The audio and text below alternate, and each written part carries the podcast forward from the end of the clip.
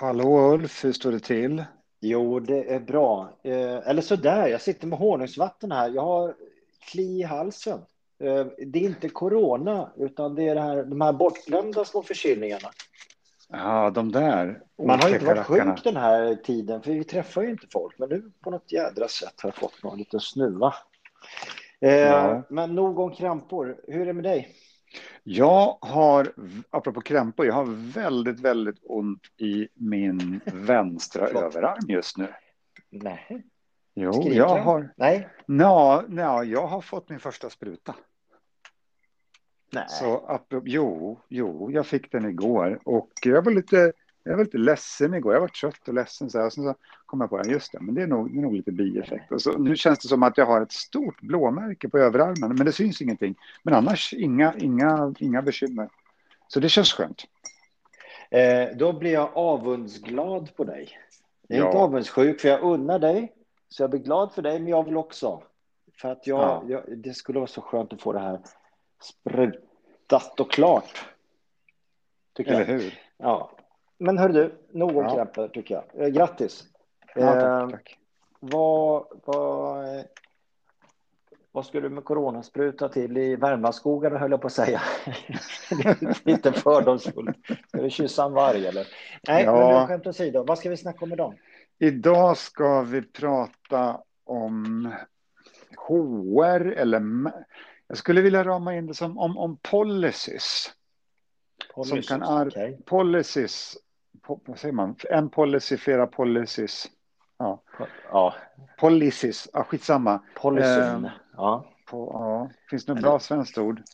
Hur, hur, mm. hur, hur det där som är svårt att säga i pluralform, hur du kan arbeta med en säkerhet och hur du också kan arbeta emot en säkerhet. Och då i synnerhet, men i allmänhet tänker jag hur, hur, hur eh, policy och eh, principer kan arbeta med en ja, säkerhet, vinstintresse, lönsamhet, hållbarhet. Vi kan slänga in vad vi vill, kvalitet och hur du också kan, hur också kan arbeta emot. Jag var orolig för att du skulle ta upp det här ämnet eh, faktiskt någon gång. Eh, du sa HR. Ja, Jag har inte en helt okomplicerad bild eller eh, relation till HR. Och jag vet inte om jag törs ta bladet från munnen där, för då kommer jag nog vara arbetslös för eh, evig tid framöver. mm. Du utmanar mig. jag, jag utmanar dig. Eh, och jag tänker att alltså jag, jag tror vi behöver ta bladet från munnen och, och liksom så berätta att det är, det är en krånglig det är, det är en krånglig del i eh, säkerhetsarbete, lönsamma organisationsarbete, vilket om det, är- det är ingenting vi bara kan, kan, eh, kan kasta ut. Nej, och man ska inte kanske eh, göra sig lustig över en särskild enhet. Det behöver inte vara HR, det kan vara, det kan vara andra enheter som, där man inte har synkat en, en policy som en enhet håller på att implementera eller hålla och när den andra eh, enheten håller på att införa en form av delaktighet i ett säkerhetsarbete. Det är det jag Mm. hör du säga, va? Ja, Det kan, det kan ju vara en marknadsavdelning eller en HR-avdelning eller någon annan. Det kan vara eh, eh, vd-stab eller vad som helst. Men två, enheter som antingen jobbar med varandra eller där råkar bli mot varandra systemiskt. Är det så? Är det så Ja. du menar? Ja, precis. Och hur vi behöver utforma, om vi nu ska ha styrdokument och policy, hur vi behöver tänka kring dem för att inte, för att inte låsa in oss i någonting som vi inte vill eh, ha. Ja. Okej. Ska jag börja? Om jag börjar så vet inte jag om jag tar det åt rätt håll, men jag börjar gärna. Ja, men börja du. Börja du. Och så får du se, så får du säga så här, eh, som Brasse sa i Fem myror flera fyra elefanter, va? nästan rätt. Ja. Fel, fel, fel, fel, fel, fel, fel. nästan rätt. Mm. Nej, jag vill börja, jag vill faktiskt adressera då HR och jag brukar dela in det då i rädda HR-organisationer eller trygga HR-organisationer. Mm. I en trygg HR-organisation så har man en, en hög transparens och en god dialog med alla delar i bolaget där man har andra styrande enheter såsom kanske någon enhet som jobbar med ständig förbättring, alltså lean, eller något sådant initiativ. Eh, enheter som jobbar med performance management eller enheter som jobbar med eh, kanske värdegrundsfrågor eller eh, något, något sånt. Eh, och säkerhetsavdelningen. Så mm. att, eh, och det är en trygg organisation. Så om HR har ett sådant ansvar, att ansvara exempelvis för eh, värdegrundsimplementering och så vidare. Om de är trygga så gör de det i samråd med övriga enheter eh, och se till att synka sina egna initiativ med övriga initiativ på toppen, det vill säga med säkerhetsavdelningen. Mm. Eh, är det en rädd HR-organisation, det vill säga där man har politik och är inte trygg i organisationen, då kan det bli vanskligt. För då kan det hända att man sjösätter ett, låt säga, performance management-initiativ. Och det ska bara implementeras och man gör det uppifrån och ner. Och eh, det är inte meningen att det ska vara eh, hårdfört, men eftersom att det kommer uppifrån en satsning och det är bara att rätta sig därefter och nu ska vi mäta och mäta på det här sättet. Om man samtidigt har en satsning med beteendebaserad säkerhet som bygger på beteendeanalys, som bygger på motivation, som att, att vara nyfiken på människors eh, förstärkare och delaktighet, då kan de två satsningarna totalt krocka ut i verksamheten. Mm. Eh, där man jobbat kanske upp en motivation hos medarbetarna att jobba med, med beteende och säkerhet och stor delaktighet. Och plötsligt så kommer direktiv uppifrån att man ska börja mäta och man har, ingen, man har inget att säga till om. Eh, och det kan till och med vara så att mätetalen går in på säkerhetsfrågor. Stick i stäv då med den metod som man använder i beteendebaserad säkerhet. Och när de två metoderna krockar ute på golvet, då slår en sån autokratisk, hårdför eller toppstyrd satsning sönder trovärdigheten på en satsning med beteendebaserad säkerhet som bygger på stort mått av delaktighet. Eh, då har jag, jag har hört flera gånger när det har hänt i organisationer som jag jobbat i. Ingen nämnd, ingen glömd. Eh, medarbetare och chefer som säger, men vänta nu, att göra på, alltså, på ena sättet med delaktighet och toppstyrt på andra. Med, det är som att vänsterhanden inte vet vad högra gör. Och mm. det blir som, ja, det blir hyckleri. Var det, det var en, en enhetschef som sa, det här blir, det låter ju som hyckleri att hålla på på det här sättet. Att vi, vi, vi lockar och lovar med ena handen och sen så pekar vi med hela handen med den andra. Mm. Eh, och, och, då kan man ju säga, kan man ju skylla och skälla på att det är en rädd HR-avdelning. Det är ju som vanligt då, Anders. Eh, det, ber, det beror sällan på människorna utan på ett system som på något sätt underblåser liksom, konkurrens eller rädsla eller politik i ett företag. Då. Men det, det har väldigt svåra konsekvenser för eh, gällande säkerhet exempelvis ute i, i buskarna ja. eller på golvet. Ja. Eh, så har jag en HR-organisation som får ansvar för policies eller andra saker med säkerhet, då, då vill jag se till så att den enheten är så trygg så att den verkligen ser till så att man, sam, man snackar ihop sig och använder samma metod så att man inte har sju olika metoder för att implementera saker. Mm. Utan antingen jobbar vi med delaktighet eller så jobbar vi inte med delaktighet. Däremellan, man kan inte ha flera saker samtidigt som säger emot varandra. Det, nu, du hör, jag kommer igång. Ja, jag hör. Det är, det är underbart. um, vad säger du? Hänger du med? jag hänger med och jag, jag, gillar, jag gillar nästan allt du säger.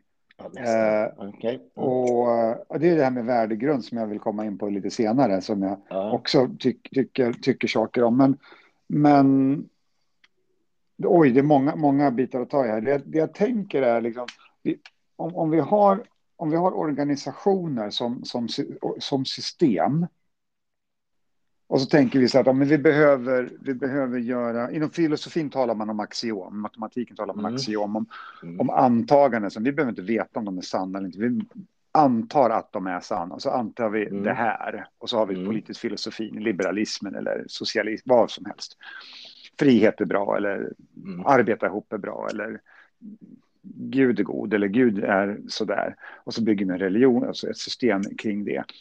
Och har vi bara en punkt som axiom, då, då kan vi liksom bygga någonting runt det här.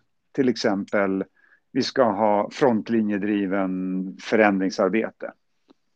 Men har vi två stycken sådana här antaganden, vi ska ha frontlinjedrivet eh, förändringsarbete, eh, vi ska ha använda oss av policies som kommer ifrån en ledningsgrupp eller HR eller vad det är för någonting.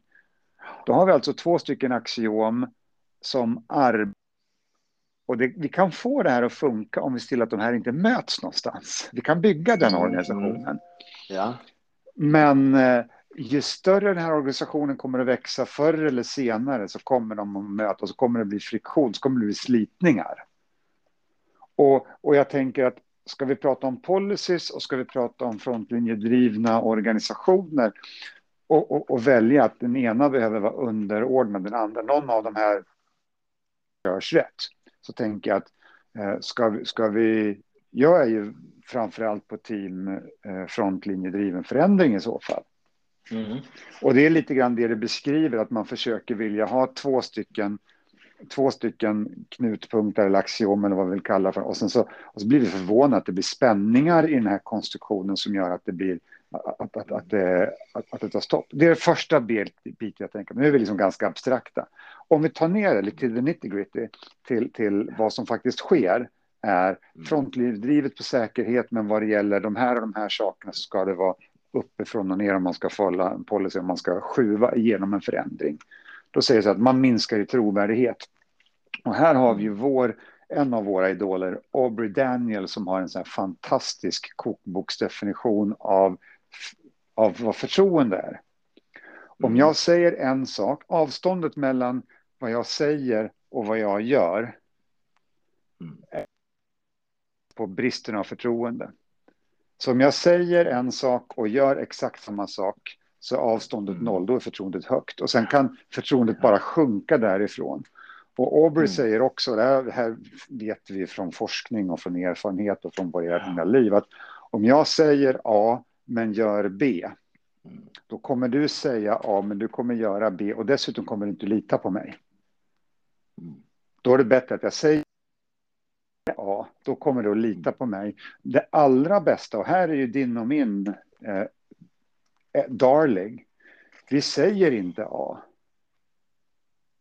För om vi inte säger någonting utan bara gör, då kommer folk att, att bete sig utifrån vår gör och vi kommer behålla förtroende och vi kommer att, att ta bort ett riskmoment att, att uppfattas fel.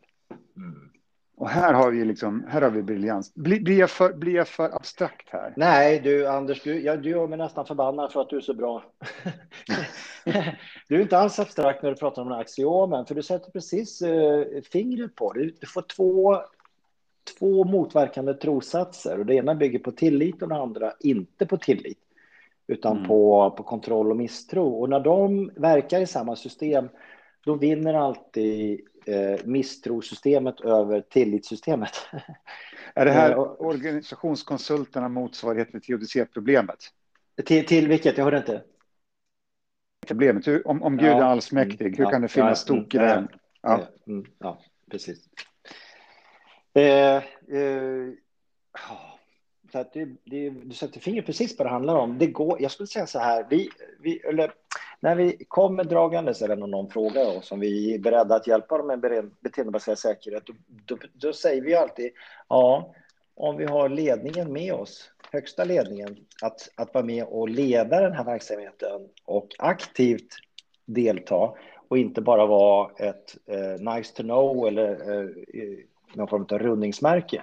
Mm. Eh, man, man, kan inte köpa någon form av avlat i samvete hos oss och sen tro att man kan fortsätta som vanligt. Därför att vi vet att det inte funkar sen efter ett tag om det kommer eh, nya initiativ, ett efter ett, som är hårdfört och som bygger på kontroll. Mm. Så vi har ju faktiskt tackat nej till flera stora implementationer och sagt nej, vi får inte kontakt eller vi får inte en handshake från högsta ledningen att det här är bra och det här kör vi på. Då går vi hellre därifrån för att det, det är liksom så mycket har vi lärt oss under alla år så det är inte värt mödan. Det blir bara massa tappade sugar och ledsna miner och förstörda ja. pengar. Eh, men vänta, du, du sa någonting på slutet. Vad fasen var det? Eh, jo, men jag, jag tänkte på det. Hur kan man inte vilja leda med delaktighet idag? Eh, det, det, är väl väldigt svenskt att tänka så. Vi, vi har ganska platta organisationer. Det finns väldigt toppiga organisationer ute i världen. Det finns väl, utav alla de liksom, länder vi har, så är det liksom tre fjärdedelar av länderna som har autokratiska, väldigt toppiga hierarkier. Där man jobbar med eh, auktoritet på ett annat sätt. Och det, fun det, det funkar ju bra. Men det, för det är, så att tro att det här med delaktighet och platta organisationer, att det är nirvana och så man gör. Vi är faktiskt en minoritet om man tittar på hela globala liksom, sättet att leda verksamhet eller människor. Mm. Men, men här där vi står och gräver, i Sverige, Norden, Europa och många delar av liksom, där vi har de här platta systemen eller där svenska företag är ute och verkar, där måste vi ändå på något sätt hålla fast vid våran, vid våran, mm, vid våran tro. Därför att om man tittar på beteendeanalysen, då är man nyfiken på vad det är som är, förstärker, det vill säga får, får en effekt på ett beteende så att den kvarstår eller ökar. Och vi ja. märker ju det. Det är svårt att hitta generella förstärkare, men det här med att få få vara, få vara någon eller att få, få ljus eller få delaktighet eller cred eller bara få frågan, vad tycker du? Det märker vi ju påverkar människors eh, motivation. Mm. Så jag kan inte förstå hur man inte konsekvent i ett företag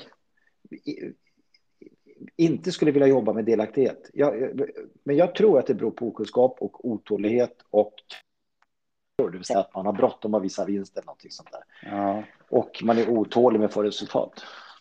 Ja, ja, ja nu, nu kommer vi in på det där som jag kanske inte riktigt håller med dig om. Mm. Ja, ja. Ehm, jag tror i och för sig att du håller med mig om det, absolut. Men jag försöker skapa lite, lite dynamik i podden här, att vi tycker olika och kanske blir osams. Jag hoppas. Men det är det här med, det är det här med värdegrund. Jaha. Och det är ju... För, för, när vi, mm. för när vi pratar om policies så är det väldigt lätt att man kommer in på värdegrund. Och här är det också intressant för att eh, när, jag, när, jag, när jag har kollat på det här, när jag har pratat med, med folk i branschen, när jag har pratat med eh, Bo Melin som är professor på Karolinska eh, i psykologi och kollar runt så här. För det första verkar värdegrund och värdegrundsarbete, värdeordsarbete, det verkar vara en ganska svensk företeelse. Mm. Och tittar vi på den forskningen som är gjord på värdegrund, för det första så är det extremt lite som har gjorts och det är otroligt mycket. Alla organisationer har en värdegrund och värdegrunden är det som någonstans sätter standard för policy, sätter riktning och det är liksom, ja men det är ganska dokument när man frågar verksamhetsledning. Och, och vi får väldigt lite ut för det. Jag har hittat egentligen bara två stycken forskningsgrejer som pratar om värdegrund. Det ena är ju, vad heter han, Mats eh, eh Alv... Nu står det still i mitt huvud. Eh, ja. Alvesson, heter han så? Ja. Ledarskapsforskaren. Jag satt mig på det hala. Ja. Ja, skitsamma. Ja. Mm. Eh, han, han har ju forskat lite. Han, han tittar liksom så på att man, man, eh, man har många fina ord, eh, men de har väldigt lite korrespondens med vad man faktiskt gör. Sen har jag också hittat en väldigt intressant examensuppsats från Helsingborg från eh, 2018. Nyström och Larsson. Jag har ingen aning om vilka de här är. Två före detta studenter. Men de hittar de här fynden. Att eh, man, man verkar, det är en klar skillnad mellan hur medarbetare och hur chefer tolkar de här värdeorden. Mm. Vilket gör att vi har skapat värdeord, hela koncernen, hela företaget är med på det. Men de betyder olika saker. Då förlorar liksom syftet i det. Någonting som är också vanligt, eh, framförallt inom offentliga organisationer, är att de här värdeorden upplevs landa i knät eller liksom komma, komma från ingenstans och tvingas på.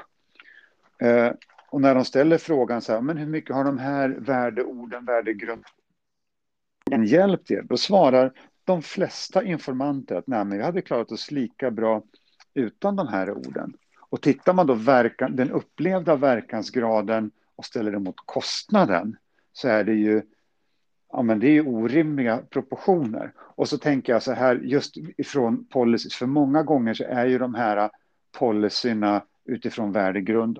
Alve, Alvesson skriver liksom någonstans i, i någon artikel, tror jag det är, att ja, men vi ska ha, vi ska ha eh, en människosyn, en, en, positiv människosyn och, och hög kompetens i någon kommun. Mm. Och vad, betyder, vad händer liksom om någon av parkeringsvakterna är sur, inte ja. gillar människor? Eller, eller kanske bara är, är, är, inte har hög kompetens utan bara medelhög kompetens. Ja, men, jag, de... jag, jag, jag, tycker det här är, förlåt, eh, men hur kopplar du det här till säkerhetsarbetet nu? Jag, tänker så här, vi borde ha ett helt avsnitt om värdegrundsarbetet, för jag har en del saker jag vill ja. förmedla. Bra saker och obra saker. Ja. Men du kopplar ihop det här nu med värdegrundsarbete och eh, säkerhet, hur de motverkar eller medverkar, så att säga. Jo, de motverkar i bästa fall inte, utan i bästa fall så har vi ett, ett arbete som tar energi och som tar kraft och som tar fokus från andra arbeten. Säkerhetsarbete, produktion, mm. eh, också utvecklingsarbete, också, också underhåll och alla andra grejer. Vi har någonting som står och tuggar. Om man gör värdegrundsarbetena därför att de är en policy som, som konkurrerar om resurser om, om, och ska vi ha verksamheter så behöver vi också se vad, vad, vad får organisationen ut av det här? Mm. När vi tittar på maskinkonstruktioner, så säg att någon uppfinner en motor behöver ha en förgasare och lyckas lösa det problemet till exempel. Mm. Eller vi kan, vi kan strippa den här motorn på två cylindrar, den kommer att gå lika fort ändå. Då har vi liksom så här, det där har vi en jättestor utveckling. Mm. Men, och tänk om vi kunde tänka på samma, samma sätt inom, in, in, inom vår bransch. Mm. Eh, värdegrundsarbete skulle jag säga kan verkligen få eh, motsatt effekt om man använder det för att hänga och kontrastera ledning och chefer om, om man ska liksom, om man har Mm. Eh, professionalism som leder som värde och sen så, så, tycker man att någon chef inte beter sig professionellt. Det används i, sällan för att inspirera då hos i, i, i arbetar liksom leden utan ja. snarare för att häckla eller för att misskreditera och då, då funkar det verkligen på fel sätt. Så att jag, jag, jag är med på mängder av tankar eh, om nyttor och eh, onyttor med berggrundsarbete, när det funkar bra och när det inte funkar bra. Jag tror man kan använda det på ett väldigt bra sätt, men man måste veta att det måste vara i synk då med övriga och det måste vara till nytta, eh, tillföra ett, ett värde och inte, inte leva ett eget liv helt enkelt. Ja. Jag tror... klockan, det är 23 minuter här, vi får inte fortsätta längre. Nej, nej. Okej, då, eh, håller jag, då håller jag den här tanken tills ja. vi gör avsnittet om värdegrundsarbete. Ja, men vad var det vi pratade om idag? Jag hade tänkt så här att eh, ja, och så behöver vi göra ett avsnitt och rent om HR också, vad HR borde göra och inte göra. Ja. Eh, vad, men om vi skulle sammanfatta det här då idag, vad är det vi sagt? Policies är en viktig del, axiom är en viktig del när vi skapar policies som faktiskt styr verksamheten. Policies mm. påverkar, och har vi för mycket som påverkar, för mycket regler, då blir det krock i systemet och då, då, då packas det inte varor på lagret, då produceras det mindre vid maskinerna. Och det, och liksom så här, det, det, det är ett direkt samband. Mm. Och ska du verkligen ha flera axiom, då måste du jobba konsekvent på ett sätt, handen på hjärtat. Ja. Så eh, ha inte för många trosatser. Antingen gör du på ena sättet eller på andra sättet. Blanda inte. Ja, men jämför judendom som inte har några dogmer alls knappt. Mm. Mm. Sen har de en massa regler i och för sig, men det beror ju på hur, hur, hur strikt man är kanske. Mm. Ja, nu ska jag sluta prata religion. det spänner brett här. ja. ja eh, tack för idag. Vi eh, hörs nästa vecka. Och eh, ha, eh, jag hoppas du får ett väldigt smittfritt eh, liv framöver. Ja, men detsamma, detsamma. Och bli frisk. Ja, ja tack. Ja, hej. Ha det gott. Hej då.